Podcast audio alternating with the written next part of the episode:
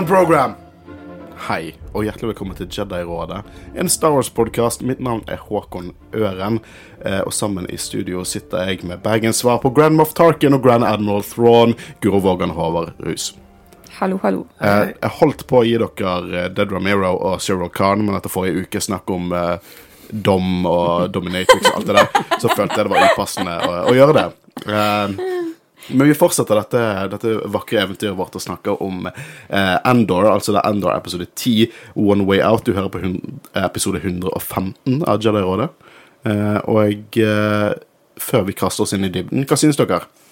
Nei, jeg syns det leverer fortsatt. Det blir bare bedre og bedre. ja, Ja. Spenningen er bare øker og øker, og nå nådde det i hvert fall i denne arken eh, et klimaks, og eh, ja, de gjorde det på en sykt bra måte.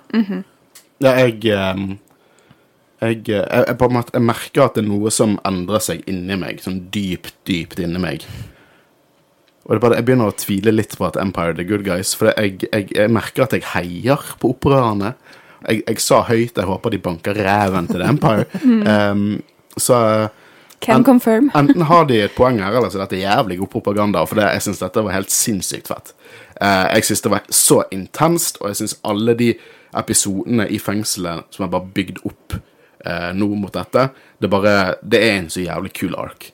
Jeg syns det bare det, det får fram alle de rette eh, følelsene i meg. Eh, og jeg er jo en, som sagt tidligere, jeg er ikke så fan av sånn prison break-type plots, men dette var bare konge. Ja, Du sa jo at du ikke var så gira på tre episoder fra fengselet, men tar du det tilbake? Ja, ja, absolutt. Jeg tar det helt tilbake. Jeg syns dette var dritbra eh, laget. Jeg, eh, jeg virkelig, virkelig likte det. Og det er, sånn, det er jo ikke så mye som skjer i denne episoden. Det er egentlig for det meste action, men det er bare Det er sånne små ting som jeg henger meg fast i, som bare sier veldig mye om karakteren og karakterutviklingen. Eh, jeg bare, jeg synes denne serien bare Den ark-strukturen fungerer veldig godt for meg. Jeg føler at denne episoden er dritbra, for det oppbyggingen har vært dritbra. Og det kan jeg samme kan jeg si om The Eye og episode 3 eh, fra de tre første vi fikk. Eh, så jeg kan jo bare tro at dette bare øker og øker og øker helt til vi ser eh, sesongfinale i sesong to når den tid kommer. Jeg syns dette var dritfett. Ja, og jeg, jeg liker så godt Det som er så kult, er at dette gir det òg så stor rewatch value, fordi at den, altså det som skjer nå, hadde ikke vært så bra hvis de ikke tok seg så god tid i starten heller. Og når man da på en måte føler at man skjønner mer av hva som skjer, så er det også kjempegøy å se det på nytt igjen når man føler at man på en måte henger litt mer med og klarer å se mer på detaljene og ikke på en måte er så forvirra. Jeg var i hvert fall eh, store deler av eh, liksom de første episodene ganske forvirra over hva det var som egentlig foregikk. Eh, men jeg føler liksom at nå Det er litt min feil, da. For det er rett etter jobb så tvang jeg deg til å sette deg ned og se på Endor. så jævlig trygt holdt på å sovne. Og bare sånn, Nei, vi skal se Endor. Men Håvard, du sa jo til meg eh, på privatchatten at du var litt, du var litt lei deg. Gruet deg til dette var ferdig. Ja, det Men- var to episoder igjen. da. Men jeg tenker litt så sånn. Jeg vet det. Eh, men etter denne episoden nå, så var jeg da, jeg, jeg skrek nei. For jeg ville ha mer. Jeg vil ha det nå. Eh. Men jeg gleder meg til å rewatche hele greien. Jeg gleder meg til å binge dette her eh, til de grader. Eh, jeg syns dette har vært eh, en reise. Ja, Eh, særlig forrige episode og denne episoden sammen. For den, altså, denne episoden starter jo der den forrige slapp. Altså bokstavelig talt. Eh, så det, det blir veldig kult å se dem eh, back to back. Ja, og um, jeg er ikke helt lik som deg, fordi du gjør veldig mye research og alt mulig sånn, men jeg ser bare Gjør ikke du research? Du er jeg, det. jeg, jeg gjør litt research, jo, men uh, jeg ser episoden én gang. uh, så jeg gleder meg veldig til å se alt på ny. Fordi Og du ser den en gang før, før du spiller i morges, ja? Ja, ikke bare før uh, spille inn, men jeg har ikke sett uh, noe av det på ny. Nei. Så jeg gleder meg veldig til alt er ute, og bare kan Ja, se alt i jeg en researcher sånn at du kan få lov til å gjøre det. Ja, Så- og det setter jeg veldig stor pris på. Men Håvard, tar oss med uh, en sånn ordreise. uh, med det jeg liker å kalle sosiale medier, før vi hopper inn. Ja. Uh, en ordreise Um, Jeg vet ikke om det var riktig formulert, men jeg, Jo, jeg, vet- stick to det it. funker, funker, Jo, funker. jo. Jeg vet ikke hva en ordreise er, men uh, Reise med ord. Ah, ok. Uh, jo da, følg oss på eh, Instagram, Facebook og Twitter. Eh, dere vet at vi liker det. det. Vi setter alltid stor pris på når folk sender oss meldinger og alt mulig sånn. Tanker om Andor, spørsmål.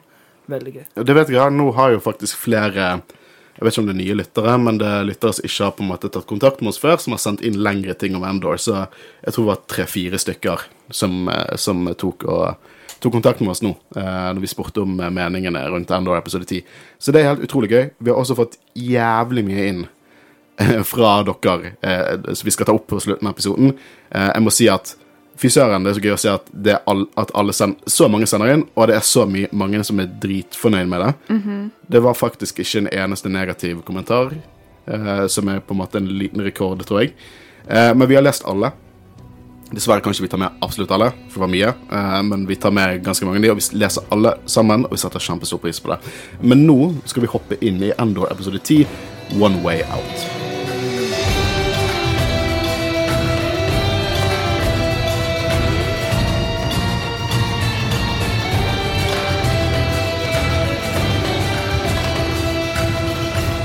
Nå skjønner jeg hvorfor jeg har gått med Hamilton på hjernen i eh, to dager. Fordi One Way Out minner meg om I Wrote My Way Out.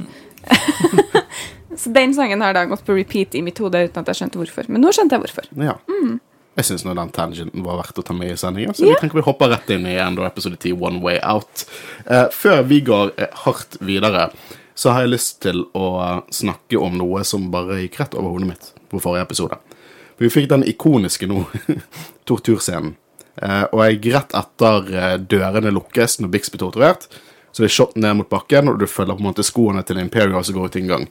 Shot for shot remade fra torturscenen i A New Hope når det skjer med Leia. Dørene lukkes, bakken følger støvlene ut i gangen. Du nevnte vel òg den torturscenen uh, i forrige episode, men så var det gøy at du la merke til enda mer, da. Ja, jeg, nå skal jeg ikke ta æren på det. Jeg så at Star Wars Explained uh, la en, en sånn short YouTube-video ute det. Men det, det han sier i den eh, videoen, er det at det gir på en måte retroaktiv kontekst til Det, det på en måte gjør Leia sin scene litt mer grusom. For det at du har dette Bix-torturscenen i hodet. Uh, jeg syns det var en veldig kul easter egg, og uh, veldig kult, egentlig. Um, en annen ting jeg har lyst til å nevne, uh, eller jeg har lyst til at du skal nevne. For det vi har jo diskutert Hvor er alle aliensene? Hvorfor er dette et fengsel bare med mennesker? Og du hadde en tanke. En helt original tanke. Uh, ja, at de ble uh, på en måte sendt verre steder, kanskje. Ja, men uh, det var jo på en måte Vi snakket jo om, vi snakket om det på privaten, for det er etter vi hadde sett forrige episode, vi diskuterte diskutert litt hvorfor det ikke aliens der, og prøvde å komme med en canon-forklaring. Så ser vi den scenen i eh, første episode av uh, Prison Arkham, at de på en måte finner ut hvor folk er fra, og så sender de til forskjellige uh, fengsler. Og det jeg har hørt, for det at du, du, du kom med den tanken til meg uh, om at um, kanskje det involverer også at de sender aliens forskjellige steder. Og da researchet jeg litt, og jeg leste litt andre folks meninger, og folk tenker det at hvis de skal ha et mer produktivt fabrikk, så trenger de folk som lever ca. like lenge, og har samme anatomi, så de kan slippe å ha masse forskjellige typer leger. Trenger like mye søvn Trenger like mye søvn. Eh, og mat. og, eh, Samme det, type mat. absolutt. Så det er helt sikkert andre fengsler som er kun for andre typer raser.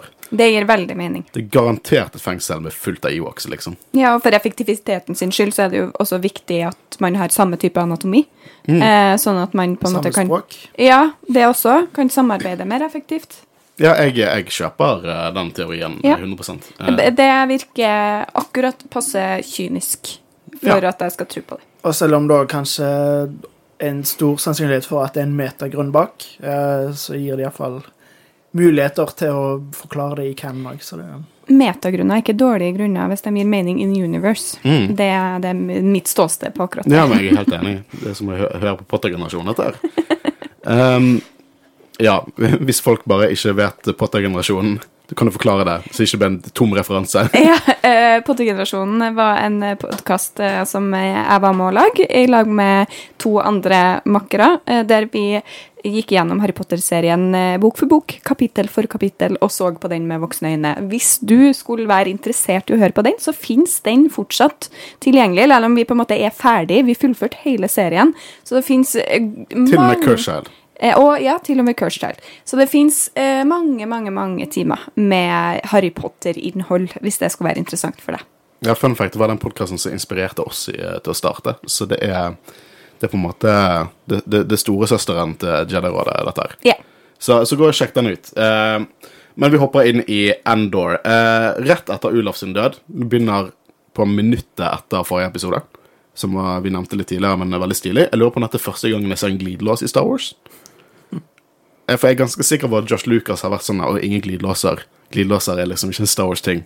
Uh, men på likeposene Jeg vet ikke, det hørtes ut som Zipper. Og så har jeg sett episoden to ganger nå. Det er en space zipper. En Space Zipper. Space Zipper. Ja, garantert. Yeah. jeg Jeg syns det så ut som en helt vanlig glidelås. Når man er lagt i space. Uh, Leakdroid, det hang jeg meg fast i. Syns det var passe morbid. Mm. Eh, søtt, eh, litt søtt, egentlig. Eh, selve droiden var søt. Ikke det at han, hans egen jobb er å frakte lik. Eh, Det er respektabel jobb, det. ja, ja, det må bli gjort. Ja. Eh, vi ser det at eh, Andor strever hardt med å overtale Kino. Eh, og han driver og forklarer det at det at de drepte 100 menn, det viser ikke at de har makt, for det er makt får ikke panikk. Aldri, de, de kommer til å få flere folk inn. Den beste måten å bare starte opprøret nå, er når de må erstatte Ulaf, og de er såpass få vakter igjen. Eh, og eh, det viser seg at hele denne episoden er jo oppbyggingen til 5000 potensielle opprørersoldater som bare går mot Empire. Jeg liker så utrolig godt uh, den analysen uh, Cassian gjør her. Det er for det første veldig imponerende uh, at han på en måte klarer å sette seg så godt inn i skoene til eh, The Empire og skjønne hvordan de tenker. Eh, og det hjelper dem jo. Altså Hadde det jo ikke vært for Cassian, hadde det ikke vært for at han på en måte insisterte på at det må skje nå. Det er nå vi har sjansen. Eh, så er det ikke sikkert at det hadde skjedd i det hele tatt. Mm, og jeg, jeg, jeg synes at um, alle de scenene vi har sett når han på en måte har fått virkelig med seg og analysert om, eh, omgivelsene sine, på en måte får en payoff her, da. Mm. Jeg synes det, det er noe denne serien er veldig flink til å gjøre, og i hvert fall noe man legger merke til når man ser det på nytt igjen. Um, Og det forklarer jo hvorfor han blir viktig i opprørskampen. Han er en intelligent fyr som, som, som passer til denne jobben, rett og slett. Men han er også For du nevnte jo litt det der å, å på en måte kjempe det, bekjempe The Empire som The Empire. På en måte bruke deres knep mot eh, dem. Og vi kommer til å innom eh, det temaet med Luthen i, i denne episoden.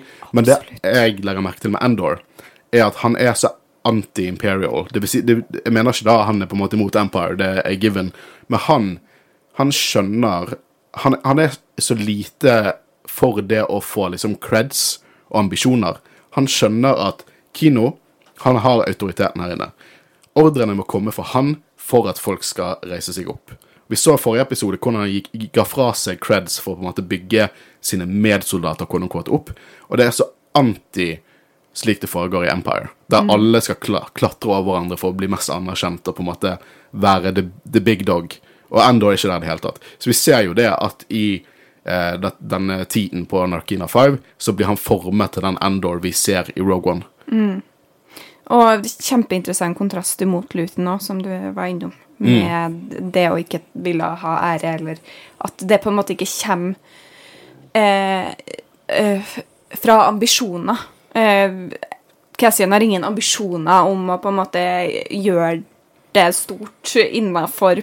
Han vil ikke ha eh, berømmelse. Det er ikke det han gjør det for, på en måte. Mens ifølge Luton sjøl, i hvert fall, så var det noe av det han ønska når han starta sin mot, motstandskamp. Eh, så det er veldig interessant, det òg. Og Andor eh, får jo på en måte lederroller både her og eh, litt Han tok noen valg på Aldani òg, men så liksom Han vil ikke ha noen rolle, men han får det motvillig og må bare jobbe med det, liksom. Og det er jo der du ser liksom kontrast til Aldani. For eksempel den scenen de bygde opp mot eh, det heistet på Aldani, når eh, Hva faen het han? Han med boken. Han vi visste kom til å dø. Goddammit. Ja, ja. Han søte. Han søte. Ja, nei, Eh, jeg husker ikke heller. Han reagerte på at Cassian klarte å sove gjennom det. Sove natten før. Og det tror jo jeg er fordi at Cassian bare ikke trodde på saken. Han var der for å få betalt, gjøre jobben, dra. Her er det en scene der han er helt våken Mm. gjennom natten. For han tror på saken nå. Og det synes jeg er, er intelligent storytelling. Ja, men det er livet hans. Altså, Det handler om å Mm. altså, komme seg ut derifra liksom, eller dø, på en måte. Ja, jeg syns det er dritfett. Ja. Han sier jo også det som jeg føler gjerne kan bli et ikonisk Star Wars-sitat. I I'd rather die trying to take them down than die giving them what they want. Og det kommer jo tilbake senere i Ja. episoden. Og dritfett. Jeg får frysninger av å snakke om det. Eh, så eh, når de kommer inn igjen, og Ulaf er, er, er drept, hele denne krangelen skjer jo før de kommer inn til resten av, dagsvakten, og alle lurer på hva som skjer, og det bare bygges opp. Du bare merker sånn Du merker det at Kino han, det, det, det er noen fnugg av håp igjen, helt han bare nei, og roper 'ingen kommer ut herifra'.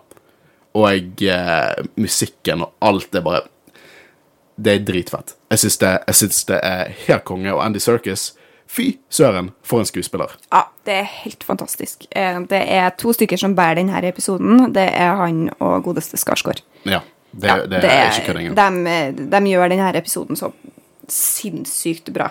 Altså, den er bra i utgangspunktet, men de hever den liksom enda noen hakk med Det- sitt gode sånn gode det, det føles liksom for Jeg ikke, ikke misforstår meg nå, men det føles for bra for Star Wars. Skjønner dere hva jeg mener?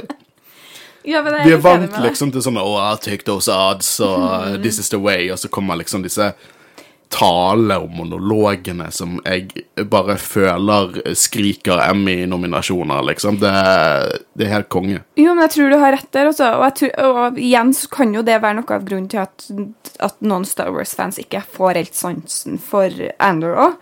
Fordi at vi er jo vant til det litt mer goofy, og det er ikke noe galt med det. Jeg det er elsker Star det er Wars. viktig del av Star ja, Wars også. jeg elsker Star Wars når det er goofy. Jeg syns det er kjempedeilig, men det er jo også sykt interessant å få en så eh, jordnær og på en måte mellommenneskelig serie der man går inn i på en måte psyken til dem som blir undertrykt, og dem som kjemper mot undertrykkerne, og der man kan dra paralleller til eh, vår verden. Eh, det kan man jo i andre Star Wars òg, men jeg føler i mye større grad i denne serien. Jeg skjønner hva du mener. Ja. Um, Jeg skal komme tilbake til det litt senere, men vi det, kan ja. vente. Uh, noe som jeg legger merke til, her, er at uh, Andoras han leker uh, fast and loose med tiden, det der gulvet har på å kjøle ned.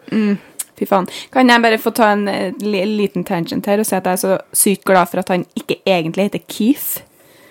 Keith Carga. Ja, for det, det er altfor nært Queef. Det funker bare ikke. Jesus Christ. Du, altså. Det, det Ja.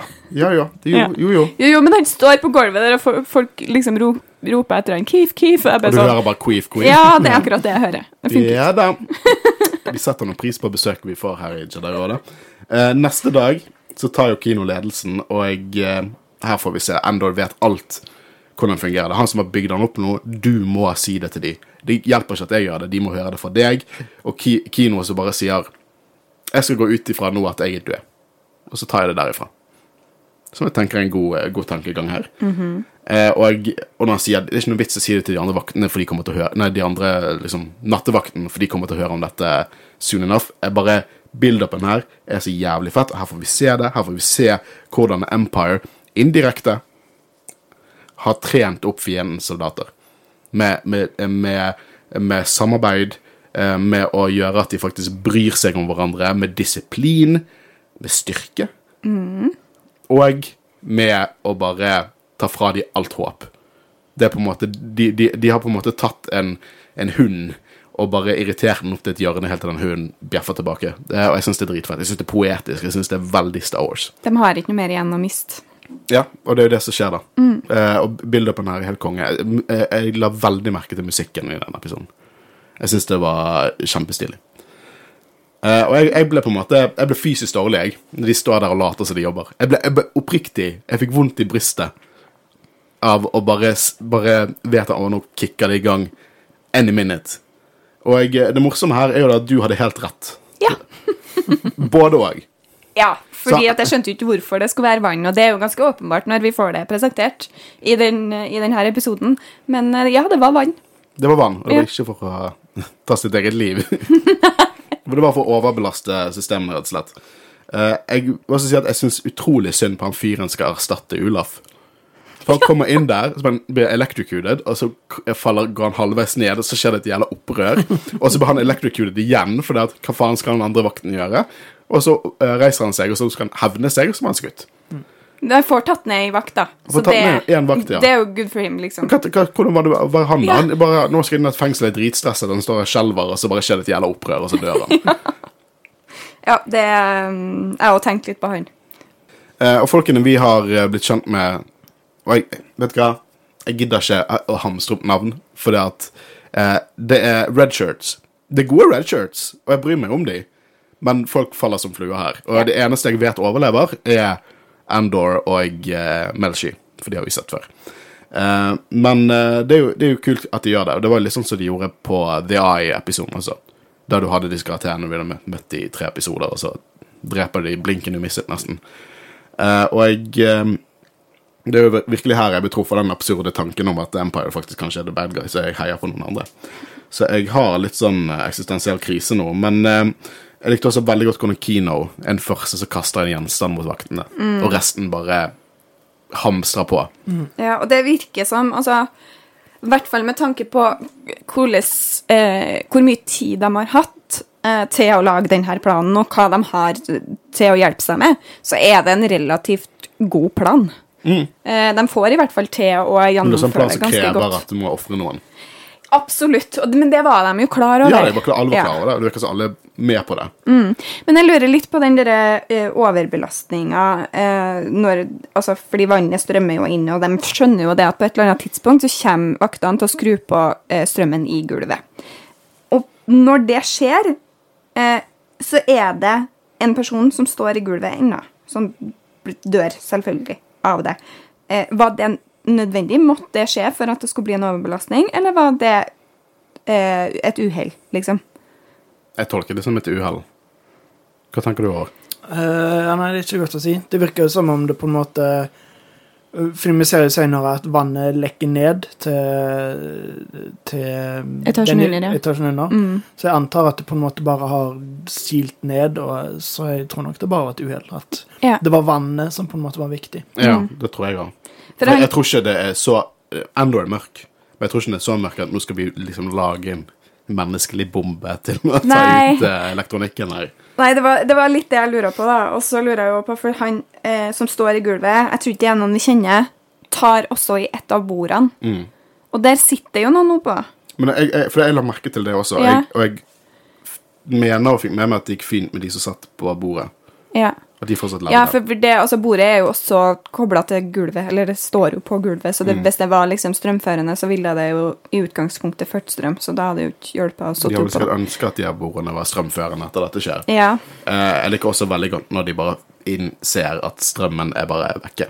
Eh, Mhm. Og eh, kino, du bare close up på han som på en måte går bortover på gulvet, og jeg bare roper 'angrip'. Det er dritfett. Eh, og jeg eh, de, Herifra så går jo de bare fra nivå til nivå og frigjør folk, og eh, hæren bare bygges opp kanonkjapt. Eh, og jeg, eh, du kan fortsatt se det hvordan Endor driver og styrer kino. Sånn, du skal ikke være her, du må komme med meg. Og det er her jeg på en måte liker hvor jordnært, sånn som du har sagt, Guro, det er. Uh, det at det er få vakter igjen, men de er fortsatt farlige. Folk dør fortsatt.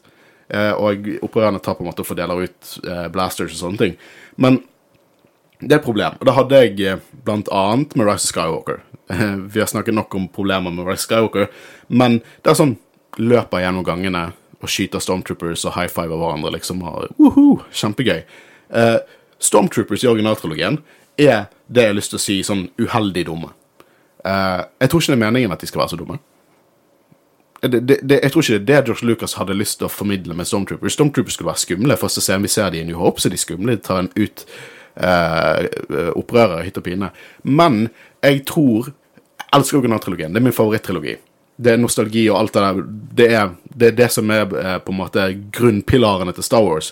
Men eh, Stormtroopers i New Hope eh, De blir en gang dumme når vi har en hovedperson på skjermen. Og jeg tror det er bare det at de ikke helt Storytelling på den tiden ikke var kanskje like diskré.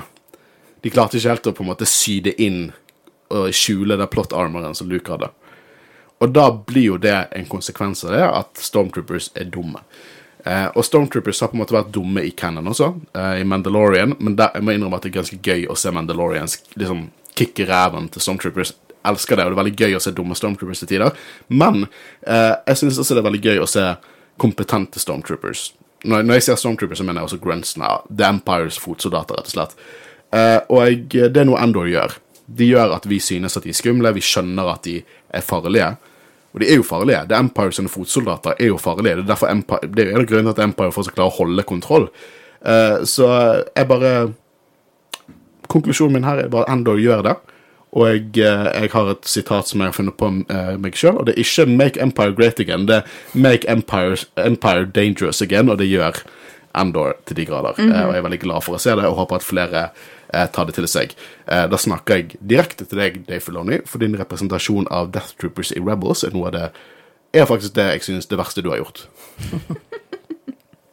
og det skal mye til for at jeg tilgir deg for den representasjonen av Death Troopers. Ja. Nå må bare Dave Filoni lære seg norsk, så skal nok den beskjeden Ja da, man får det til. Han han er, han er geni, han er geni ellers. Ja. Så. Eh, men de kommer seg til hoveddekket, altså Command Center på level 8. Eh, da får vi se at annonsene er ikke like scary face to face. Ganske patetisk eh, fyr, egentlig. Eh, jeg syns det var litt. Litt sånn Wizard of Oz bak eh, Absolutt. Og den overgangen der eh, mellom på en måte den stemmen og den ordentlige stemmen, der han er litt sånn Altså, ikke det at han har veldig lys stemme, men en helt normal engelskmann Mm. som snakker, liksom. Ja, det var veldig gøy. Og jeg elsker eh, når Kino bare skyter en av de. Og jeg, når Endor tar de, de to igjen og bare sier 'on program' til de. Jeg bare jeg godtet meg så jævlig. Mm. Ja. Jeg bare sånn, Se hvordan det føles. Jeg likte den eh, scenen i kontrollrommet utrolig godt. Eh, de overgir seg jo med en gang, basically. Eh, mens eh, Og så ser vi også senere, eh, når de rømmer, at vaktene gjemmer seg i stedet for å kjempe Og det var også dem. en scene jeg godtet meg så jævlig over. Det er Ja. han, der, han der med det smilet når han først testet ut eh, gulvet. Ja, ja, ja. Og det er jo akkurat det, liksom, som Anders sa, at de, de har ikke makt. De er redde, og eh, vi ser jo det at de er for få der. De har tenkt at måten de gjør det på, det fungerer, men trenger ikke flere vakter. Så når tusenvis av eh, inmates liksom kommer seg løs og har våpen, så, så forstår jeg at de skjønner liksom at ja, nå er, nå er vi fucked. Ja. Eh, og, og, og hvordan den talen da, som kommer nå. Ja, jeg syns liksom at eh, eh, i, i den her flukten fra det her fengselet, så viser de på en måte problemet til alle stormakter som undertrykker andre for å ta eller opprettholde makt. Eh, nemlig det at opprørerne, opprørerne har så mye mer å kjempe for enn fotsoldatene som jobber under dem som sitter med makta. Mm. De, de har ikke noe de har ikke noe geiter i det her løpet, sånn egentlig, bortsett fra å beholde eh, jobben sin. Eh, og selvfølgelig er de ikke da villige til å holde de her fangene her mot at de sjøl mister livet. Mens fangene er selvfølgelig, eh, siden de nå har funnet ut at de ikke på, noen, eh, på noe som helst rettferdig vis kommer til å komme seg ut derifra, så har de ingenting å miste.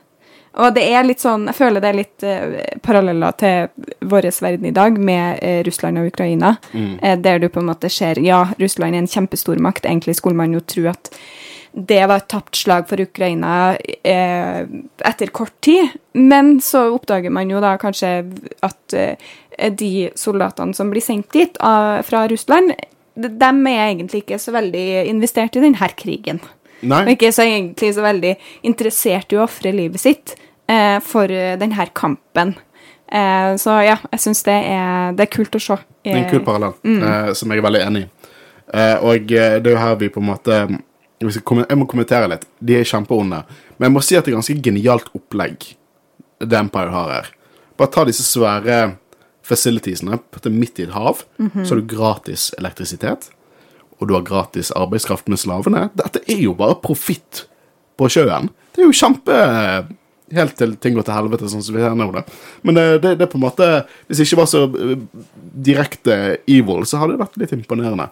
Eh, men det de gjør, at de skrur av hydrokraften. Eh, de også formidler at eh, det er umulig å skru på igjen.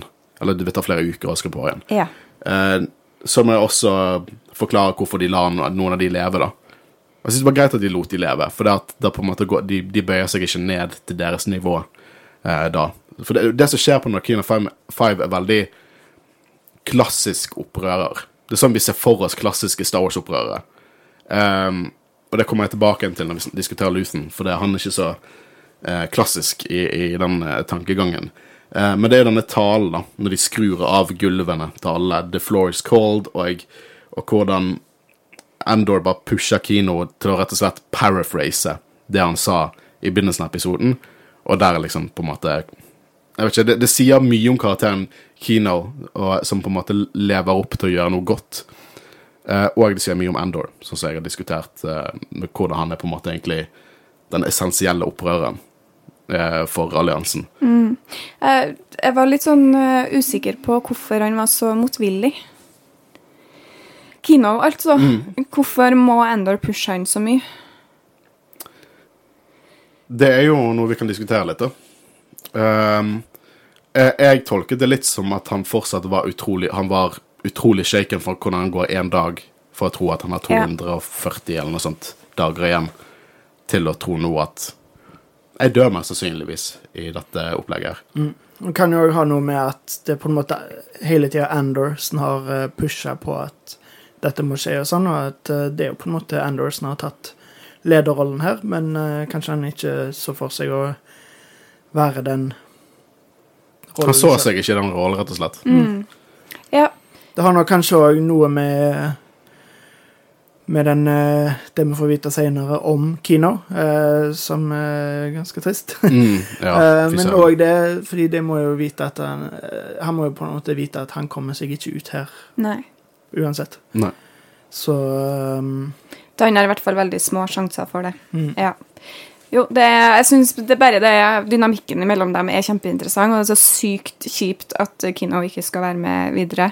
Eh, men Men eh, for en karakter. Ja, men jeg og føler òg det var utrolig deliberate av han å ikke parafrasere, men å direkte sitere eh, Andor når han i talen sin eh, Ja, han sier siterer ikke han direkte, eh, men han sier basically det samme. Gjør han ikke? Nei, det, Nei, det er ikke ord for ord, men Ok, eh, han ja. sier det samme sentimentet, liksom. Ja. Men jeg følte i hvert fall at det var veldig deliberate. Ja, han så jo Eh, på eh, Andor det her er takket liksom. være deg. Nå, nå pusha du meg til å ta lederrollen, Mm. men jeg vet at dette her er takket være deg.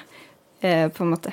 Ja. Jeg, jeg liker karakteren veldig godt, eh, og jeg syns at det er imponerende å gi så lite screentime, men likevel så har han så jævla presence. Det, det er en utrolig dyp karakter, som det er mange av i denne serien. Om så det karakterer vi ser et par episoder, og vi allerede på en måte kan sitte og diskutere hva som foregår, da. Og, ba, og vi kan sitte og diskutere det på grunn av skuespillet til Andy Serkis. For det ja, ja, han, han på en måte stopper litt og snakker, men øynene hans, altså. Skulle tro at han var i, i det. At han var en ekte karakter i dette, og dette skjedde. De hadde bare skrudd på et kamera. Ja, han er utrolig til stede. Det er jeg helt er liksom. Jeg er litt sånn dum filmelsker. Jeg elsker film, men jeg eh, eh, Det skal ganske dårlig skuespill til for at jeg blir sånn Å, det var dårlig skuespill. Ja. Eh, eh, men det der var jævlig godt skuespill. Eh, jeg syns det var helt konge. Han har jo alltid vært utrolig flink til å på en måte jobbe med ansiktet. Eh, det var jo han som uh, spilte Gollum i Ringenes herre, og jeg har nettopp sett de på ny, og det er Selv om i 4K-versjonen så er det veldig tydelig at Gollum er dataanimert, og det at jeg er voksen nå og ikke lever meg like mye inn i det, men allikevel måten de på en måte får fram ansiktet Du ser at det er Andy Serkis som Gollum. Og du ser får- Gollum i Andy Circus innimellom. Og det ja, er at, at litt forstyrrende, faktisk. Få fram de ansiktsdetaljene sånn, og det er jo bare fordi han er så god til å bruke fjeset. Så, Ja, og det, det, nei, det er det samme med Caesar i Plant of the Apes-trilogien, som er en av, i min mening, eh, de beste moderne trilogiene som er laget. Eh, Jeg syns den trilogien er konge. Eh, Og, og i Snoke. Den scenen i Last Jedi jeg vet at den filmen er omdiskutert, I know, men seriøst, Snoke-scenen er fangende. Mye på grunn av det skuespillet. Jeg syns det er dritfett. Eh, og folk hopper fra fengselet. Kanskje de dør, kanskje de overlever, men de dør på sine egne liksom, bekostninger. De, de, de, de, tar dette valget, og jeg bare begynte å analysere, jeg føler meg litt kunstnerisk i dag, når du så på dette overhead-shotet av fengselet, nesten som at det er folk som på en måte slipper unna The Imperial War Machine, det ser nesten litt ut som The Imperial Cog, og du så på en måte disse skyene av folk som bare svømte vekk fra fengselet. Jeg synes det var dritfett. Eh, og eh, vi får på en måte se det at Kino kan ikke svømme. Han kom seg ikke unna. Um, så det var trist, men på en måte òg veldig passende. Um, så det er spennende å se om vi har sett det siste av han. Jeg regner i hvert fall med 100% at Andor har sett det siste av han. Men uh, hvis han blir igjen For du tror fortsatt det er snakk? Ikke det jeg skulle si nå, men jeg vil nå tro at nå som uh, fengselet har blitt tømt for fanger, for å si det sånn, så kommer Empire til å sende The Big Guns inn Mm. der og undersøke, uh, sikkert ISB. Hvis uh, Kino fortsatt er der, så kommer han jo til å bli torturert, og det er kanskje sånn de finner ut at shit, vi hadde Andor. Mm. Uh, og så da Da vil jo Spesielt hvis uh, Dr. Gorst? Gorst uh, er Er dette et Gorst-intervju? Hvis det er et Gorst-intervju, så vil han jo i hvert fall si sannheten, og da vil jo Empire vite at det var Andor her som uh, tok føringen. Så eh, da vil jo de tro at Andor er sånn skikkelig høyt oppe i, eh, og en leder, men det var en uhell. Yeah. Både på Aldani og her. Så Ja, ja. Jeg, jeg, jeg, jeg, jeg tenker at den, den teorien er veldig uh, mulig, men jeg vil ikke ha det. For det er, jeg, jeg, Nei, jeg sånn jeg tolker jeg vil ikke, jeg vil ikke se det, uh, men hvis de bare på en måte Refererer til at ja, undersøkelsene på Narkina Fry viser at bla, bla, bla.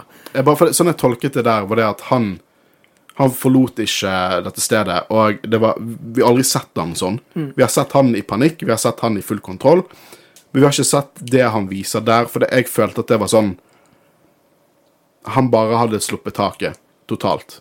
Han sa liksom nesten litt leende 'Jeg kan ikke svømme'. Og, og så zoomer de inn på fjeset hans, og jeg føler at jeg tolker det som at karakteren var på en måte fortsatt happy med det han hadde klart. Ja, eh, jeg syns bare det gjorde det karakteren hans mye bedre, fordi han visste sjøl at eh, mest sannsynlig så uansett hva som skjer, så overlever jeg ikke, fordi han kan ikke svømme. Og eh, han Når de kom inn, så må de jo ha sett liksom Han visste at de var på sjøen, eh, men allikevel så så gjorde han det han gjorde, og uh, starta det. Han kunne på en måte ha bare Siden han visste at han ikke kunne svømme, så kunne han bare ikke gjort noe, men han gjorde det likevel. Det kan jo også forklare litt det um, som vi diskuterte med hvorfor han var så nøl i den talen. For det at på den talen så var han liksom Nå går han over the point of no return. Nå, nå, hvis han gjør dette nå Han introduserer seg jo sjøl som Kino for alle fangene, men også for de eh, resterende Empire-ansatte der, da. Ja, og da må han Ja, da må han jo dø. Jeg tenker at Kino tenker det at han må dø. For at uh, han vet han ikke kommer seg derifra i live, og da er det ikke et alternativ lenger å være igjen når The Empire kommer tilbake og på en måte Ja, tar han. det, Og jeg føler ikke at vi trenger Kino heller for at The Empire skal finne ut av at, eh, at Andor var med på det her. Jeg vil tro det finnes noe overvåkningskamera. Eh, Sikkert ikke lyd på de da, siden de ikke gidder det engang. eh, nei, eh, det Men det er nok det, han, eh, Nå tok jo Kino Loy og virkelig bare sånn um, announcet seg, og vi fikk en scene som aktivt viser at det er en hel gjeng med vakter som klarte å skjule seg. Så hvis det er Empire ISB kommer nå og skal undersøke, så er det, jeg vil jo tro at det er de vaktene som kommer til å være med, hjelpe til med det. Ellers hadde vi sett en scene der liksom han derre eh, han der jævla fascisten som smiler når en elektrikuler folk hadde dødd. Eh, det hadde jo bare vært eh, godt for oss å se at han døde, men de overlevde. Så um, jeg lurer på kanskje det er der de får informasjonen sin fra. Ja, det er i hvert fall veldig mange Altså, stor sannsynlighet for at ISB nå kommer til å få med seg at Andor har eh, vært med på det her, eh, som blir interessant. Jeg gleder meg til å eh, se trynet på Daedra når hun oppdager det.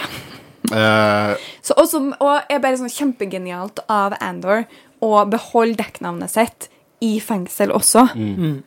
Ikke engang til fangene har han fortalt at, at Keef ikke er navnet hans, liksom.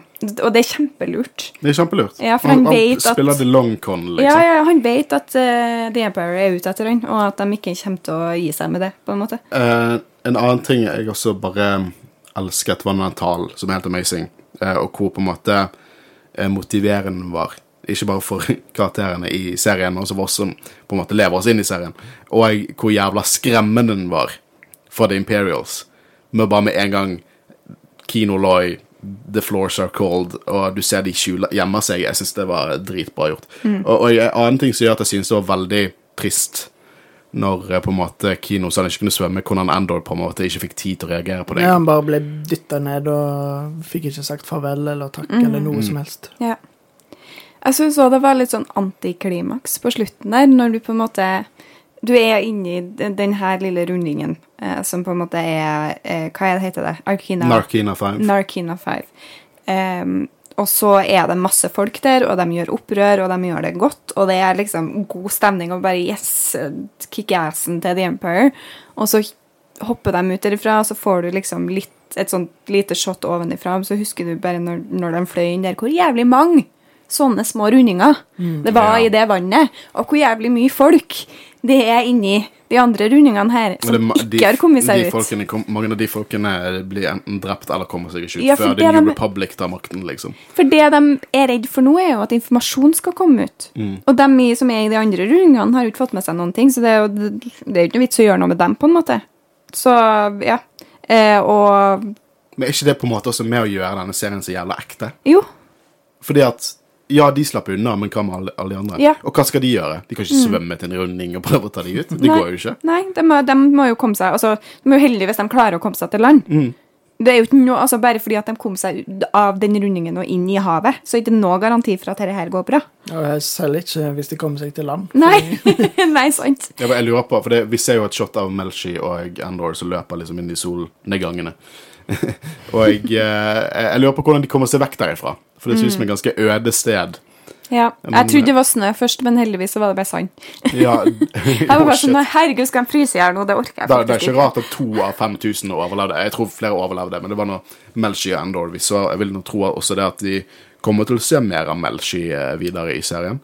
Eh, som også gjør det at eh, Rogue One kommer til å bety mer for oss med tanke på de Melchi-scenene som er der. Men eh, jeg synes at denne serien får meg til å tro veldig mye på konflikten eh, vi ser i originaltrilogien. Der du ser at Empire på en måte har hatt en tvungen fred, eh, quote unquote, eh, i så mange år. Og nå begynner på en måte kampesteinen å falle før på en måte hele fjellet raser sammen. Du så på en måte Aldani, du så til og med startet med to corpos som ble drept. Endte opp på Aldani, endte opp med at 5000 Imperial fanger slo opprør. Og det kommer bare til å bygge gradvis oppover til vi ser Rogue One, og til vi ser The Death Star eh, eksplodere. Eh, og det er på en måte det er utrolig god oppbygging. Det er en god prequel, liksom. Mm. det er så bra worldbuilding her, eh, og det er helt fantastisk. Eh, har vi noe mer å si på Narkina 5-delen av episoden? Nei, eh, lei meg Blanda følelser for å er over, både letta og lei meg, fordi det var veldig interessant. eh, Med liksom den mellommenneskelige dynamikken inni der syns jeg generelt bare var interessant. Og så litt sånn eh, Det er jo noe med det klimakset. Når det er over, så er det litt trist. Men eh, ja. Men det viser jo det at For det er action som skjer i denne episoden. Det er jo ikke sånn Det er ikke sånn Å, det var en imponerende koreografi, liksom. Men det er fortsatt så jævlig badass, for det bygger opp til det. sant? Mm, Hun føles så klaustrofobisk i de gangene, og hun ser folk på begge sider dør og alt mulig sånn, så det, jeg syns det ble gjort utrolig bra. Og eh, vi visste jo at eh, Andor eh, kom til å komme seg ut. Vi visste det allerede i forrige episode at de planla rømmingen, så jeg syns det var Jeg glemmer det litt. Se in, det in the action. moment så glemmer jeg det litt. Ja, jeg glemmer at, at jeg vet at det går bra med han. Ja. Jeg, var mer, jeg var mer klar over at det kom til å gå bra med Melshi. Men vi skal hoppe videre til eh, resten av det vi ser i denne episoden. Så ISB eh, Dedra er med i denne episoden, men hun sier ingenting. Hun har et shot der hun ser forferdet ut og stormer ut av et rom. Eh, men de snakker om The Ring of Kafreen. Eh, jeg glemte å nevne at det er jo den første, en av de første planetene vi ser i Rogue One etter flashbacket, der eh, Endor skyter sin egen informant, sånn at ikke han skal ja, det er samme stedet. ja, så de snakker om det samme stedet. Um, men de har jo på en måte nå kommet opp med storyline til denne piloten til Krieger, og hvordan på en måte hva som har skjedd der, og han har blitt eh, frosset når han kommer ut av hyperspace, for vi trengte jo enda en grunn til å synes at hyperspace er scary as fuck. uh, og jeg, Lonnie, uh, en av de andre supervisorene der, eh, som har et utrolig lite badass-navn, eh, han eh, mener at Også et utrolig lite badass fjes. ja. Men jeg kan ikke si at jeg mistenkte han i noen av de andre episodene. Nei, overhodet ikke. Men han sier det at, til Partagas at eh, det rare for oss nå er hvis vi ikke sjekket dette ut. For dette nå har ISB hadde sjekket ut. Og Partagas er enig, noe som Dreadra ikke virker veldig happy med. Hun stormer ut av rommet. Det er sånn jeg tolket hele den sekvensen, egentlig. Jeg tolker det kanskje litt som at eh, hun tenkte at ah, fuck, nå kommer Lonnie òg til å prøve å klatre over meg. At det fordi Ja, uh, Det var sånn jeg tolka det før uh, den twisten kom. uh, at han på en måte så Hun likte ikke at noen andre tok Fikk liksom. Ja, Partagas var enig med og liksom. Ja, jeg, jeg, kan, jeg, kan, jeg kan tro på den. Ja, jeg syns hele den Det blir jo veldig mye mer interessant når du på en måte kommer Når du ser episoden gang nummer to og vet at Lonnie er en dobbeltagent, eh, og lurer på liksom hvorfor sier han det her? Mm. Hvis det var ingen annen som tenkte på det, og hvis det her gagner The Empire, hvorfor sier han det? Ja, det var litt det jeg tenkte. Jeg tenkte det retroaktivt. Eh, min tanke er at hun reagerte på det. Fordi at han vil jo ikke gjøre det beste for ISB. Eller vil han gjøre det? Fordi at han er redd for ISB. Ja, det, var, også, det er jo veldig vanskelig å vite, da. Eh, men eh, altså et, Det jeg tenker kan være grunnen, er jo at eh, det er større sjanse for at opprørerne får det med seg hvis ISB takes an interest. At, de, at han prøver på en måte å sende en beskjed om at hvis dere angriper her, så vil dere bli slakta, liksom. Ja. Eh, på en eller annen måte. Jeg vet ikke. Men jeg syns bare det var veld, veldig interessant. Det er så gøy når man liksom får eh, snudd eh, sin oppfatning av karakterer på hodet. Fordi at jeg heller eh, hadde ingen anelse om at det her kom til å dukke opp. I Men det, det, hele det, dette er, nå, nå er dette veldig planlagt, da. Eh, At han skulle være en dobbeltagent. Men jeg eh, Det er så jævla kult. Jeg er dobbeltagent inni ISB in Star Wars live action yeah. Star Wars-serie. Det er awesome. Yeah. Men det er jo derfor jeg liker canon. sant? For det, ja, ja, det kan være en retcon, men hvis det er en god retcon, så kan det endre alt du tenkte om det Cannon-verket du leste eller så, eh, eller spilte på det tidspunktet. Mm. Det kalles en plot twist. Ja, yeah. eh, og retro, canon som bare retroaktiv gir større nytelse til et verk, eh, er awesome. Liksom, jeg vet at folk er mer hypet på prequel-trilogien nå, men Clone Wars gjorde dette for prequel-trilogien. Eh, Og eh, jeg tror eh, det er en av store grunnene til at prequel-trilogien er elsket, mer elsket nå, er av Clone Wars. Så Det er den eneste grunnen til at jeg eh, tolererer prequel-trilogien. Come on, du likte Attack of the Clones. Du lik, faktisk likte Attack of the Clones. Ja, men det var bare og du at- visste ikke at Palpatine var The Emperor. Nei, men det var kun derfor. Fordi det var en avsløring for meg. Og det skal jo egentlig ikke være hemmelig. Det var bare jeg som var dum. Nei, det var du som ikke visste Star Wars. Ja. Vi begynte jo kronologisk, så kanskje ikke var så lurt sånn i uh... Nei, det var de, de første Star Wars-filmene også. Ja. Det er helt sant. Det var en hel påske det, der du var så forelsket i meg at du lot meg vise deg liksom, to Star Wars-filmer eh, dag, om dagen, Om dagen. i en uke. Ja, mm, Eh, men det var gøy. veldig gøy. Eh, kjapt innom Ferrix. Eh, vi møter dr. Mulmoy. Eh, og jeg, jeg antar at han snakker om, at- de snakker om at Marva er syk. Eh, vi ser også Sinta, så følger med på de, og så ser vi en eller annen dude Så følger med på henne. Eh, vi har egentlig ingen tanke om hvem det er. Eh, og jeg, eh, hatten hans skriker The Empire, men jeg føler det er for enkelt. Ja. Jeg tar tilbake det jeg sa om at jeg ikke var så forvirra i denne episoden. jeg, skjønner, skjønner ingenting av hva det er som foregår. Men det er jo åpenbart meninga at vi ikke skal altså vite helt hva det er som skjer. Jeg tror disse få scenene her er build-up til de to siste episodene. Mm, absolutt. Jeg trodde egentlig det var mer det at eh, det var en Empire-fyr som fulgte med på Marva. Oh, ja, okay. Mm. Men uh, det kan godt hende. Ja, for det kan hende at han ikke så Sinta i det hele tatt. Men det Ja, kan det- jo ja. hende at uh, han faktisk følger med på Sinta. Nei, jeg tror mer på din nå. Det er bare jeg som snakker og ikke tenker. Nei, men jeg tror For det, jeg la merke til at han på en måte ikke så i Sinta sin retning, heller bort mot Marva, at han så på det samme som Sinta så på. Så de, de har jo sagt at ISB holder øye med Marva, liksom. Så det Ja.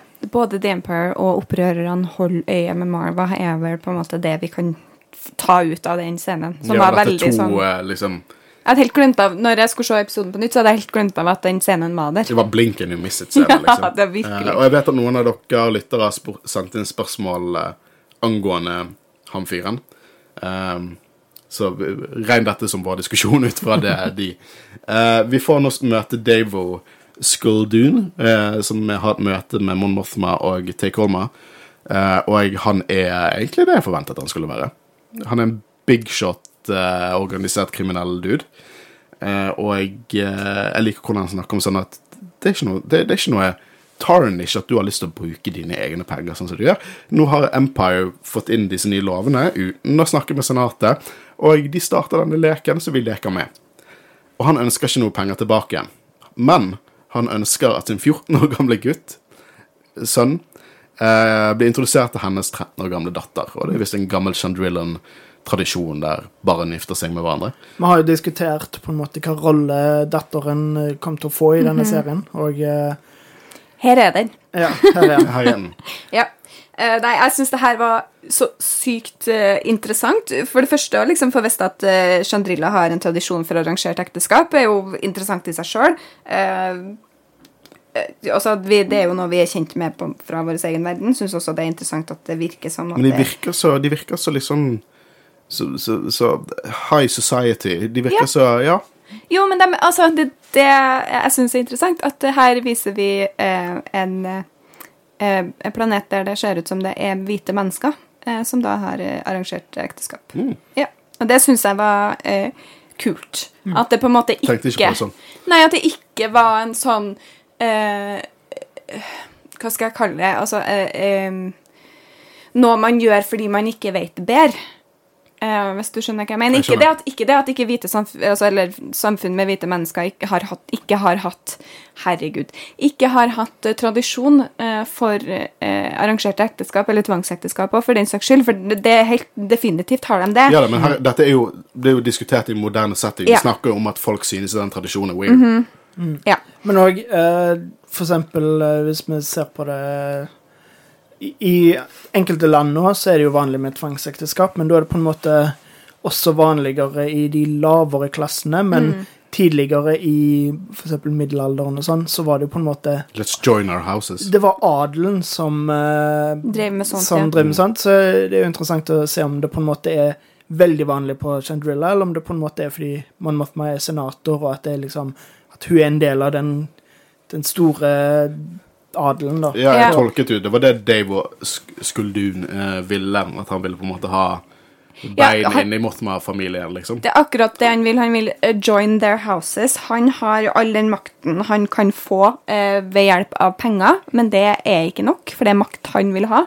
Og det sier han jo sjøl, han er ikke så interessert i altså Penger betyr ikke så mye for han Nei. lenger. Han har eh, eh, fått det han kan få til med de pengene. Eh, nå vil han ha den makten Og bare være som eh, Dave og Skuldun her. Da hadde vi levd godt. Ja, sant. Jo, men han vil nå ha den makten som et giftermål inn i eh, Mothma-familien, Ja, det er- kan gi han. Det verste er at det ser ut som hun vurderer det litt. Ja. Eh. Og det er jo trist. Måten eh, når hun sier liksom ja, 'nei, jeg tenker ikke på det', og han sier 'det er det første usanne du har sagt i dag'. Mm. Som er ironisk, fordi hun har sagt veldig mye usanne ting i den scenen. Uh, men det, det ble plutselig veldig Game of Thrones, dette her. Ja. Uh, og jeg, Men- jeg trodde aldri jeg skulle se en sånn scene i live action Star Wars. Jeg kunne, gjerne, jeg kunne gjerne sett det i sånn en en av bøkene, men uh, ja. Det, det, dette er ikke sånn som tolvåringer sitter og ser på og sier Woo! Nei. Arrangert ektemål. Woho! Arrangert ekteskap. Det er jo eh, som regel ikke noe man jubler over, nei. Nei. nei. Eh, vi hopper videre til Cleia og Luthen, som har noen eh, få scener. Luthen har noen få scener i episoden, men noen veldig impactfulle scener, eh, om jeg tør påstå så mye. Fordi at det er noen som vil møte. Eh, Jeg har ikke møtt med Luthen på over et år. Eh, Vi ser også, apropos uh, land eller planeter i Star Wars med merkelige tradisjoner Vi ser den der eh, headdressen til Padmay her, som hun hadde da hun ble senator da hun var sånn 15. Dronning nå var 15. Um, det er en fin liten referanse til uh, Attack of the Clones, for det er der hun går. Men, eh, men i hvert fall um, Claire er redd for at det er en felle. Luthen sier hvis det er en felle, så har vi allerede tapt. Som gir veldig mening. Basert på det at han skal møte Lonnie, eh, som er hans eh, ISB-kontakt. Og vi får se de lavere nivåene til Coruscant. Dypt, dypt ned i lavere nivåene til Corisont. Og da ser vi aliens. Og det tror jeg er veldig meningen av at vi ser aliens skjult til side ned i lavere nivåene, mens toppen er for mennesker. Ja. Toppen er for The Empire, liksom. Nei, men eh, nå har jeg glemt eh, hva han heter, han eh, som har laga det her. Eh, men han Tony Gilroy. Ja, han eh, forestiller seg at eh, universet er mye mer segregert enn det vi har sett tidligere. Som jeg syns gir mening med tanke på det du har fortalt meg om hvor rasister The Empire er. Mm. Så ja. Sånn, uh, Thrawn hadde det vanskelig på akademiet, liksom. For han var blå. yeah. Men eh, jeg var utrolig stille å se. Lavere nivå enn Corisont i live action. Og det går lavt ned. De går sinnssykt langt ned. Og du ser i, på denne broen de står på, at det er flere heiser som går enda lenger ned. Uh, som jeg syns er utrolig stilig å se, i hvert fall i live action. Uh, jeg liker veldig godt den spionfeelingen og på en måte leter etter den der eh, eh, comlinken oppe på, i toppen av en gammel heis og på en måte skal snakke med Luthen. Og jeg, det jeg syns var interessant her, er det at Sånn som Luthen snakker til han. 'Å, du har en datter nå. Jeg håper at hun er trygg og på en måte er i god helse.' Det er ikke en veiled threat engang. Det er bare 'Dude, jeg dreper deg. Familien din', liksom. ja. Jeg vet det- at du har ei datter, og jeg er villig til å oppsøke henne hvis jeg må. Ja. Og jeg begynte jo å tenke litt sånn OK, han er i ISB, og måten Luthen snakker til han på, så vil jeg tro at han er en på ISB som han har fått noe på og kan bruke på. Men bare det at han kan true datteren hans, det gir ikke mening, for ISB er ikke redd for det. Men det viser seg at Lonnie, han er en helt. Han har jobbet seg aktivt inn her. Han har tatt et vow med opprørerne og jobbet seg opp i rankene for å eh, bare penetrere det ISB, og han ble behandlet på den måten. Han er en helt. Og han har lyst til å komme seg vekk fra dette. Han er nå stuck mellom Helt ærlig, en ekstremist-opprørergruppe som med sine handlinger ikke er veldig annerledes enn Empire, og så er han stuck mellom Empire. Og han får ikke lov til å komme, ut, eh, komme seg vekk derifra. Nei, han har, han har ingen plass å gå. Og det er helt jævlig å se på, det, men det blir jo så, åh, ja, eh, det er bare så interessant eh, med Luthen her mot kontrasten med, med Cassian. Eh, hvordan de på en måte ser på frihetskampen. Eh, det er Ja, nei, det er, bare, det er bare så jævlig interessant. Ja, og, Lonnie driver jo og snakker om Dade Romero og hvordan hun nærmer seg eh, Axis, eh, noe han ikke er veldig bekymret over, som er helt sikkert en fasade. Eh, han sier også til han at på en måte Ja, vi blir invitert av dagene, men jeg har ingenting med det å gjøre. Så han stoler jo ikke på han i det hele tatt.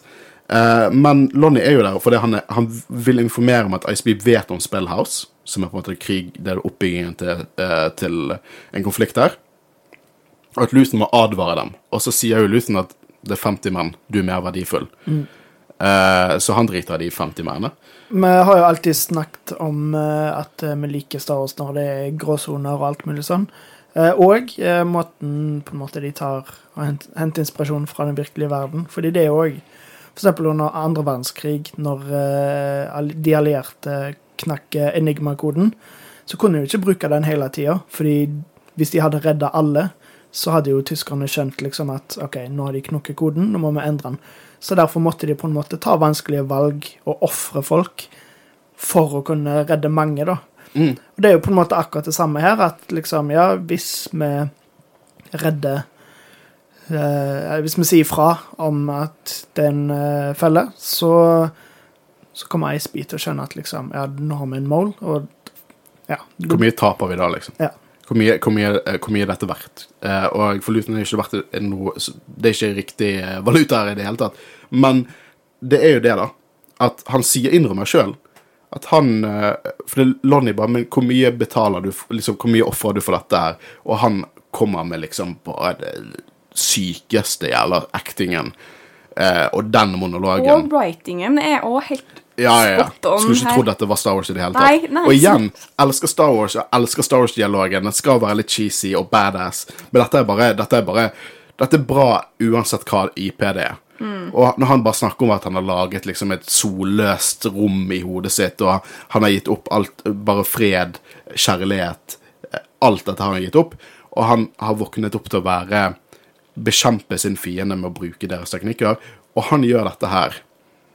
Eh, ikke fordi at han skal få heder og ære, men fordi at det skal være en sjanse senere for de andre som kommer etter han. Og eh, han bruker skitne triks. Det er helt klart umoralsk mye av det han gjør. Eh, han ble på en måte skrevet litt som en skurk, men for at vi skal få alliansen, opprøreralliansen, den du har tatovert på armen din, i originale Star Wars, så må dette skje. Han gir de muligheten til å samle seg og på en måte gå liksom mer moralsk til verk enn det han gjør sjøl. Han får hendene sine skitne, sånn at de andre kan holde seg rene. Ja, og, og fordi han eh, Jeg lurer på om det er en slags sånn sjølstraff her. Da. Han snakker jo om på en måte egoet sitt, og at han, var, han gikk inn med mye ego øh, og, og kampvilje. Eh, og innså ikke at det ikke var noe vei tilbake før han på en måte så ned og innså at han ikke hadde noe, noe land under føttene lenger. Eh, og ja, at det er litt sånn OK, men da har jeg vært så dum, eller liksom eh, ikke tatt de hensynene jeg burde ha tatt. Så nå kan jeg i hvert fall sørge for Ofre min eh, skitne sjel for at eh, de andre skal få bli rene. Litt sånn som kino òg, at på en måte nå vet eh, Luthen at ja, jeg kommer mest sannsynlig ikke til å overleve dette her, men det er noe som må gjøres allikevel. Ja, veldig enig. Ja, Eh, så det er liksom både kontraster og paralleller, og det er Ja, det er helt det, er fantastisk. gjennom, det er et forbanna gjennomført serie. Ja, og, det, og jeg syns det er så utrolig kult, da, for det er ofte liksom Ofte så er det den der greia der de er sånn der Å, men du skjønner ikke, når du gjør det her, så gjør det deg bare til like ille som fienden. Det er veldig ofte det vi får i film.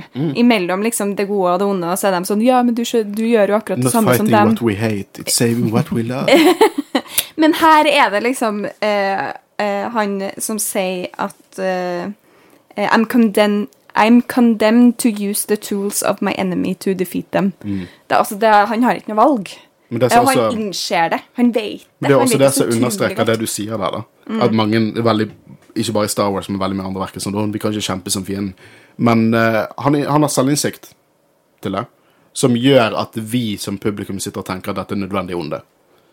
Dette må gjøres for at uh, vi skal se det som er klassisk Star Wars. Uh, og jeg seriøst uh, Stellan Skarsgård uh, Skarsgård Jeg er norsk, jeg kan si det på den måten. er en så jævlig god skuespiller. Jeg er så glad for at han er med i dette universet. Og måten han bare Han snakker litt sånn som Jeg, jeg trekker opp My Boy Tywin fra Game of Thrones, men det er litt den derre Han snakker rolig, men bestemt, og sånn han roper 'everything' på alt han har på en måte gitt opp. Han bygger opp til en måte 'everything'. Det er bare Ja.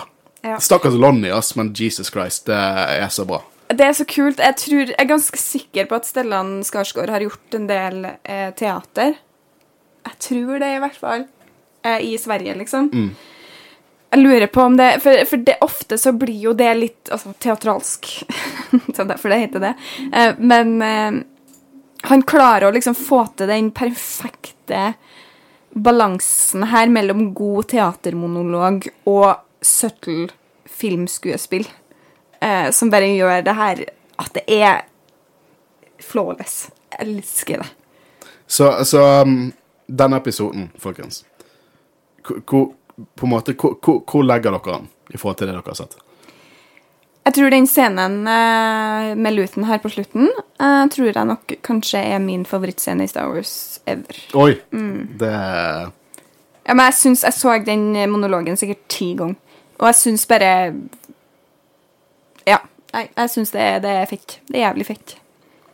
Ja, jeg synes kanskje enkelte um, enkeltepisoder har vært uh, bedre, men bare på en måte hvordan den fullførte arken og, eh, og den monologen og på en måte alt rundt det, da. Uh, nei, jeg syns det er kjempebra. Og eh, vi, har diskutert liksom Jeg vet ikke hvor, hvor du er ennå, om du fortsatt synes Mando er det beste, men jeg begynner å nærme meg der definitivt nå at nå kan jeg trygt si at Andor er min favoritt live action-serie fra Disney. Vet du hva? Eh, Mando betyr mer for meg. Det, det gjør det, men Sorry, Andor er bedre. Men eh, jeg har ikke lyst til å si bedre. Det er noe annet. Men du, det Men går an å anerkjenne at det, altså, det, an, det går an å anerkjenne at det er bedre kvalitet, eller om du har mer følelser for et annet verk. Ja, men, men jeg har ikke lyst til å si at, eh, at det nødvendigvis er bedre kvalitet. Jeg synes det er bedre satt sammen som en helhet, men det er bare det at Mando vi, sitter her pga. Star Wars. Det her, vi sitter her på grunn av Star Wars. Og jeg elsker at vi får Endor som på en måte leker med hva Star Wars er, og bare gjør det eh, så forskjellig, og det kan være så mye forskjellige ting man kan sette seg fast i. Men Mando kom på en tid der vi trengte noe som på en måte var nytt samtidig veldig Star Wars. Og Mando er veldig originaltrilogien Star Wars. Ja, og og jeg, som traff utrolig bredt. ja, Ja. eh, og det bare er noe som jeg bare Jeg har ikke lyst å nødvendigvis sitte og si her at jeg synes Endor er bedre, for det, det er ikke bare pga. hva Mando er som story, men også hva det representerer for liksom, det vi får i Star Wars. Mm. Uh, så Mando betyr mer for meg. Vet du hva, Mando, Mando det er liksom en jævlig god pizza, men dette her er en dritgod eh, sjokoladepudding, liksom. Eh, jeg vil ha begge i måltid. Ja, ja, pizza og sjokoladepudding. Ja, jeg synes det, ja, det er det som er poenget. Jeg syns det er vanskelig å sammenligne det. Ja, det, jeg- forventa liksom pizza og hummer, men pizza og sjokoladepudding Pizza og hummer. Ja, det er egentlig bedre. Mando er en god pizza, dette er en, en fin hummer. Det er ikke alltid jeg har lyst på hummer, men eh, Ja, det var det. aldri nei til det var bedre. Jeg uh, kutter ut. Nei da. Så vi tar min analogi i ja, den var mye bedre. Ja. Du er mye flinkere til å forklare hva jeg føler, enn jeg. Eh, men uh, det var eh, denne episoden av Endor. Eh, jeg synes at Jeg vet ikke, jeg synes hver episode er bedre enn den forrige, men Mm. samtidig løfter opp den forrige, hvis det gir mening. For jeg synes det er så jævlig connected, alt dette Ja. her.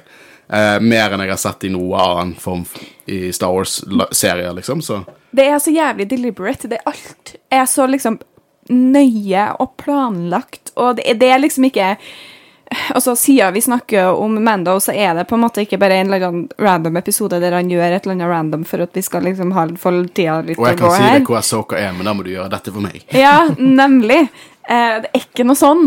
Her er det på en måte eh, mening og formidling pakka inn i hver, hvert eneste sekund, og det er bare Ja, delicious. Så, en ting jeg har merket er at Før denne serien kom ut, så gjorde vi sånn som alle Star Wars-fans gjør. Vi spekulerer, og spekulerer, spekulerer. Eh, Kommer Kato til å dukke opp her? Kommer, her kommer Tarkin og Krennic og alle dukker opp her? Uh, og um, jeg bryr meg ikke om de dukker opp eller ikke. Jeg bryr meg litt om Kato dukker opp, for han må dukke opp. Men liksom, om Tarkin de ikke dukker opp nå, Who gives a shit? I don't care. Jeg bryr meg ikke. Jeg har sagt helt fra starten av, jeg håper at det ikke er, er, eh, noen fo- force users eh, i denne serien i det hele tatt. Det det Nå har vi bare to episoder igjen, eh, og det håpet er der fortsatt. to, fortsatt. Ja da, men jeg er fornøyd med i hvert fall sesong én. hvis Kanan og Hera bare dukket opp og sa 'hello, Andor'? Ikke bruk Kanan og Hera imot meg. Men det er bare poenget mitt er sånn- Kanan er vel død på det her tidspunktet? Eller nei, ikke ennå. Nei. Nei, unnskyld. Spoilete Håvard! Gjorde jeg det nå?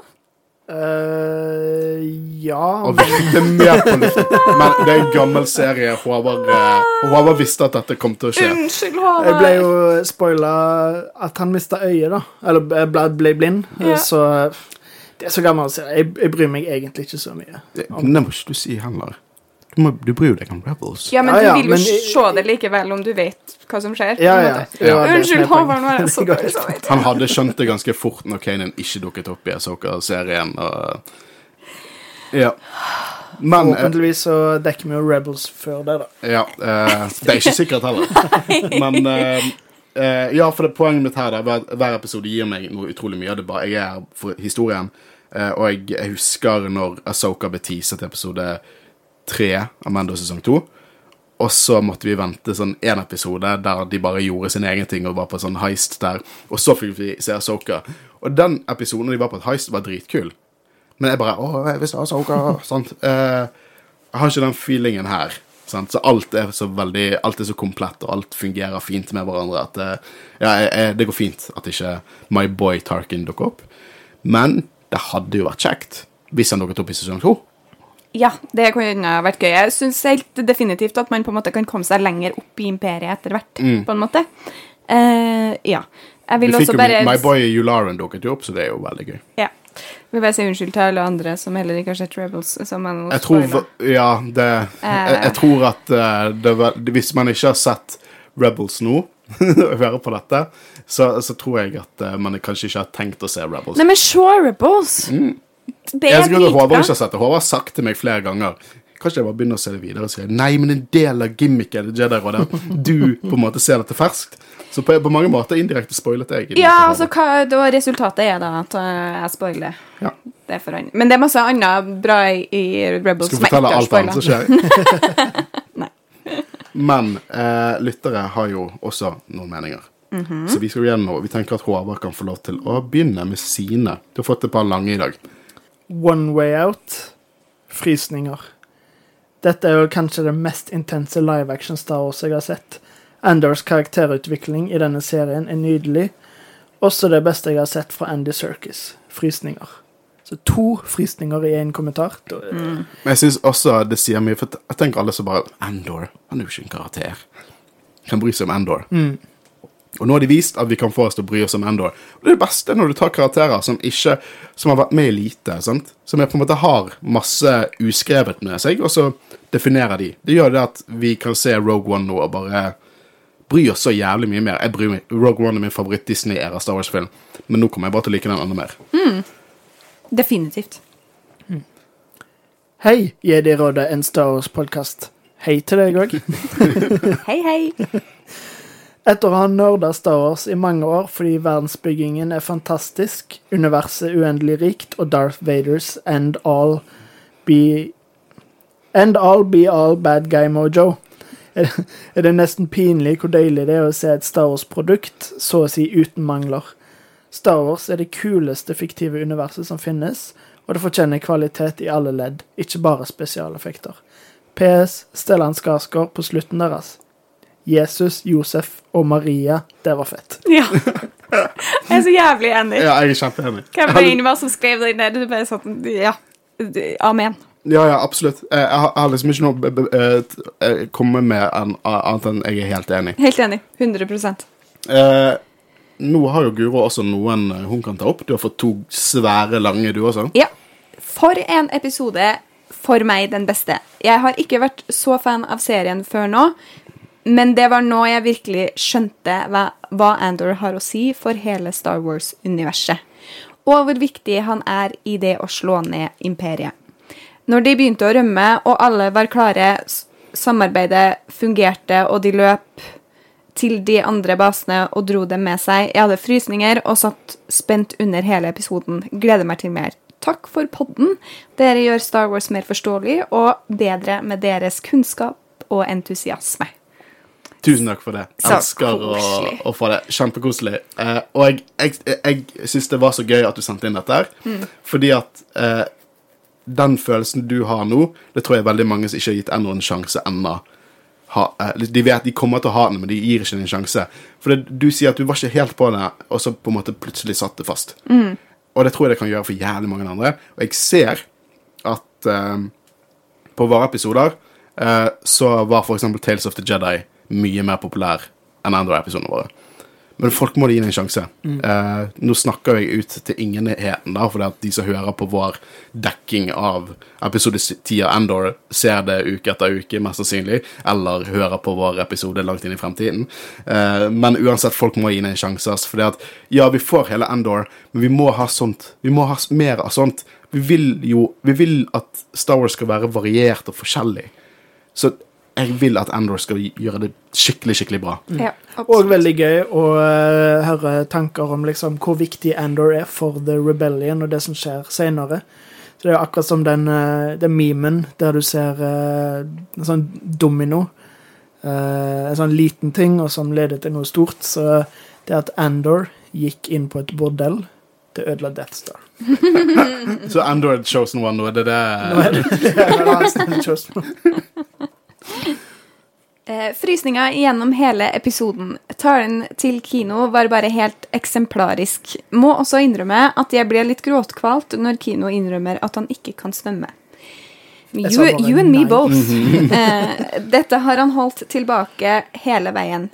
Litt sløkket da jeg ser for meg at en flytende fabrikk selvsagt hadde hatt oppblåsbare båter, om ikke for fangene, så i hvert fall for ansatte. The Empire de har jo ikke engang sånn gelender på rampene sine, They, liksom. they don't give a shit.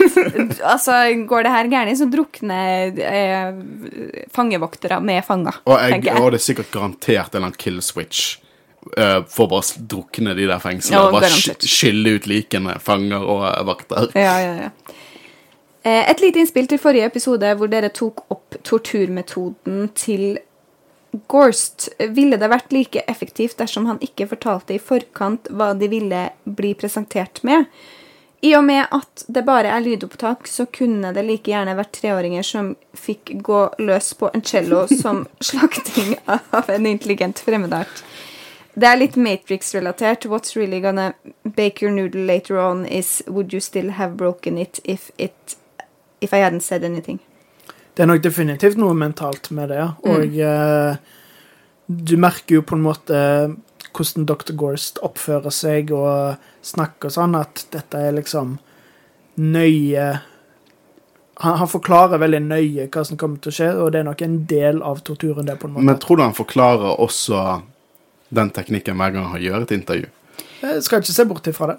Jeg, er litt sånn, jeg skjønner veldig godt hva denne personen mener, eh, men jeg tror likevel at her er det et eller annet magisk, i mangel av et bedre ord, eh, som foregår med denne rasen. For jeg tror ikke at Det setter i gang et eller annet i hjernen. Men jeg tror nok også òg eh, Det er nok definitivt det, men jeg tror nok òg at på en måte Det å vite at du blir torturert, skal bli torturert, og vite hvordan du skal bli torturert, det kan være ganske jævlig før du faktisk blir torturert òg. At det er på en måte Så det er nok eh, Jeg liker i hvert fall å tro at Dr. Gorst sier det hver gang, at han på en måte Absolutt. godter seg over det og liksom vil si akkurat hva som kommer Men kommer tror du til det er fordi at han vet at han føler det blir mer effektiv tortur, eller fordi at han er litt stolt? Sikkert han er Jeg Begge deler. Uh, jo, ja, jeg, nei, men jeg er helt enig i at uh, det, det, har nok definitivt en effekt. Uh, men jeg tror ikke at han hadde vært så liksom kjent for å ha så effektive intervjuer hvis det var kun det. Hvis det ikke var noe i sjølve Hvis det var liksom barn som gikk løs på celloa, eh, så hadde det ikke vært så effektivt som det blir Grusomt vist. spilt av de, liksom. Ja. Eh, Det er altså Ja. Men jeg, jeg, liker, jeg liker tanken på at det er basically er ikke, ikke placebo, men nocebo. Eh, som da er det samme som placebo, bare negativt. Mm. Ja. Ja, jeg syns det er en interessant tanke, i hvert fall. Um, jeg kommer til å legge til to uh, små her, for jeg syns de passet perfekt inn i hverandre som to episoder av Endor. Uh, sesongens beste glimrende Andy Serkis, Kino Loy is my daddy. Oh, I love it. On program. Jeg hadde gått rett på on program hvis han hadde kjeftet på meg. Eh, denne her bare syns jeg var utrolig kjekk. Den er veldig simpel, veldig elegant, og det er Star Wars-hjerte-emoji.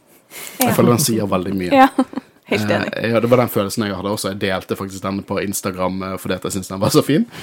Um, for en fantastisk episode. Lurer på hvor, eh, hvordan veien går eh, videre. Nei. for en fantastisk episode. Lurer på hvordan veien videre blir for Endor og Melshi. Eh, jeg håper jo Melchie får en større rolle i de senere episodene, og i sesong to. Eh, det synes jeg i hvert fall har vært veldig stilig. For at eh, er på en måte en av de fotsoldatene vi ser i Rogue One, som ah, Han har en del spoken lines for en fotsoldat å være, men han er bare en fotsoldat.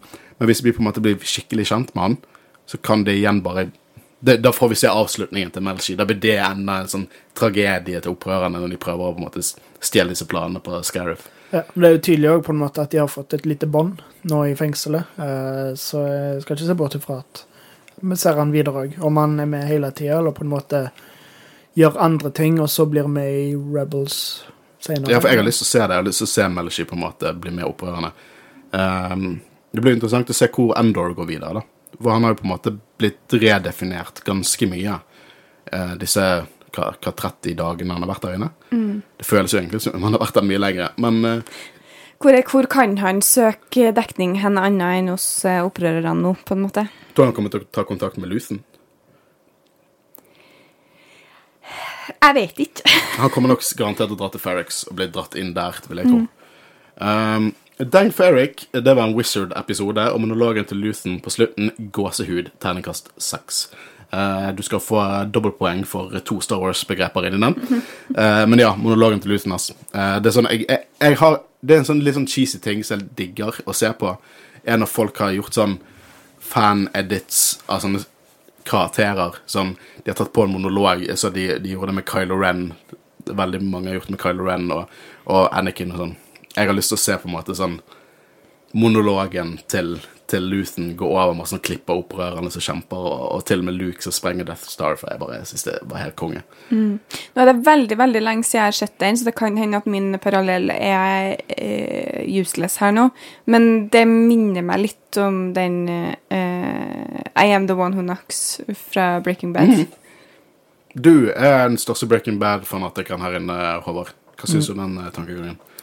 Det, den selve monologen. Ja, altså, det, altså det, ikke nødvendigvis innholdet, eller sånn, men bare hele feelingen over det. Få litt samme Det det var det første jeg tenkte på, var den. Kanskje litt. Veldig lenge siden jeg jeg, jeg føler um, i hvert fall monologen til den I am the one who knocks i Breaking Bad. Det er liksom første gangen vi virkelig ser hvor ond Walter White er blitt. Vi har sett hint av det tidligere, at han gradvis blir verre og verre. Men det er liksom her han er den gangsteren han er. Uh, så og, Kan du trekke spallet med det vi ser av Luthen i denne episoden? Ja, så det er her vi på en måte virkelig lærer hvorfor han gjør det han gjør. Eh, Og hva han er villig til å gjøre? Hva han er villig til å gjøre. Han truer altså med dattera til eh, dette er en person som han har på en måte Som ikke var ISB før han tok kontakt med Luthen, liksom. Dette er en fyr som Luthen har, har på en måte blitt enig med at han skal bygge seg Mm. opp. Han, er, han kaller han en helt sjøl. Han har jo tilsynelatende eh, sagt seg villig til å gjøre det, da. Mm. Om det var Luthen sin idé, eller om det var hans egen idé, eller hva som var på en måte forløperen til det her, det vet vi ikke. Vi vet bare at han har tilsynelatende taken a vow og eh, vært med på det sjøl, og innser nå at han sier at han visste ikke hvordan det ville føles å bli far, og vil derfor ut. Kan jo hende at det er noe lignende som i The Departed. ehm, der eh, Det er vel Matt Damon som spiller rotta der, da. Eh, han vokste opp med Begge spiller jo teknisk sett rotter. Jo, jo, men uh, han som er rotta i politiet, da. Mm. Så der han på en måte vokser opp med Frank Jeg husker ikke, men Ja, ja, Frank. Det er ikke lenge siden vi så den. Jeg husker Men i hvert fall han vokste opp med han, da, og eh, det var på en måte han som fikk han med i politiet for å være den. Så det er godt mulig det er noe lignende der, at liksom at uh, han helt siden han var liten har sett på en måte valuen til Lonnie og på en måte bygd han opp. Og, Ja, de kan ha headhunta han òg. Funnet en eller annen fyr eh, som eh, passa de kriteriene de var ute etter, og vært sånn Hallo, vil du vet ikke hvordan jeg for meg den der scenen fra The Party de sitter i en sånn pornokino og driver og snakker med hverandre. Tror du de har pornokinoer i Star Wars? Selvfølgelig er de det. Ja. De har jo til og med hintet til det i Light of the Jedi, at det er porno, hollow-ting som liksom... Vi har jo vært på bordell nå, så det ja, på, der selvfølgelig finnes det porno der. Ja. Det, Det er liksom, har, du, har du sett uh, Jabba's Palace liksom i sin heyday? Det er ikke noe tvil. Um, helt galskap episode. One way out-tall til kino over høyttalerne er gåsehud verdig. Ja, eh, liksom, dette var, dette var Star Wars-verket for gode taler og monologer. Mm. Fy søren, for begge de liksom, ah, Jeg er så glad for at Andy Serkis og Stellan Skarsgård har spilt i Star Wars-verk. Mhm. Det øker liksom hele franchisen opp. ja. Helt enig. Håper det åpner døren for eh, flere andre store og dyktige skuespillere at, kan bli med. ja, at det kan bli tatt seriøst. At det at du skal spille i, et, uh, spille i en Star Wars-film eller serie, er ikke bare noe du gjør for å få penger. Mm. Det er også noe som faktisk kan være en utfordring, og kan være på en måte interessant for Ja, i hvert fall med den også. type skuespill, liksom. For det er imponerende det som blir gjort med Mando, liksom, hvordan de klarer å fysisk spille. Ikke vise fjeset sitt. Men dette er på en måte en annen liga. Dette er sånn Emmy. Mm. Best Actor, eller Supporting Actor-pris, Emmy, liksom. Eh, men det var det vi hadde for dere. Eh, jeg må si at det er to episoder igjen. Gleder meg utrolig mye til, eh, til de. Og så blir det en liten tørkeperiode, fra, fra Star Wars i hvert fall. Og så hva Bad Batch i begynnelsen av januar, som kommer til å overlappe med The Mandalorian, som jeg har lest leaks om kommer til å overlappe med Celebration. Så vi skal jo på Celebration. Eh, Ja, vi, vi. vi har uh, nå fått et sted å bo. Uh, vi må få tak i flybilletter. Uh, så alt alt det liner opp til at vi skal på Celebration, så jeg er veldig hypet over. Men det kommer til å bli vanskelig å dekke med slutten av Mando sesong tre. Eh, men det er nesten noe vi bare må ofre. Eh, men uansett, eh, utrolig kjekt med Andor. Utrolig kjekt å sitte og diskutere med dere. Og takk for at du har steppet inn som gjest, Geo. Takk for at jeg fikk være gjest. Veldig Jo, hyggelig. Bare hyggelig. Eh, vi, jo, vi kan jo tease litt det at uh, vi har uh, Jedi-rådet har jo på en måte Vi har på en måte oversett bøker litt. Snakket en del om bøker og hva som skjer i bøker, men vi har ikke dekket det. Men vi skal på en måte ha et lite prosjekt gående med Guro der vi får dekket noen Star Wars-prosjekter innimellom. Eh, så det kan bli gøy. Eh, Bøker er min, eh, min greie. Jeg har ikke ennå lest en eneste hel Star Wars-bok, så det her, det her kan bli veldig interessant. Mm. Og vi tenker å starte enten med Tarkin eller Rogue One Catalyst fordi at jeg har markedsført de ganske godt på denne podkasten siden 2019, så Send gjerne inn hvilken du helst vil at vi skal starte med. Mm, gjør det. Uh, uansett, mitt navn er Håkon Øren. Jeg har sittet sammen, Marius? Og Guro Vågan. og vi har vært Jedi-rådet, og vi snakkes neste uke. Ha det bra. Ha det bra.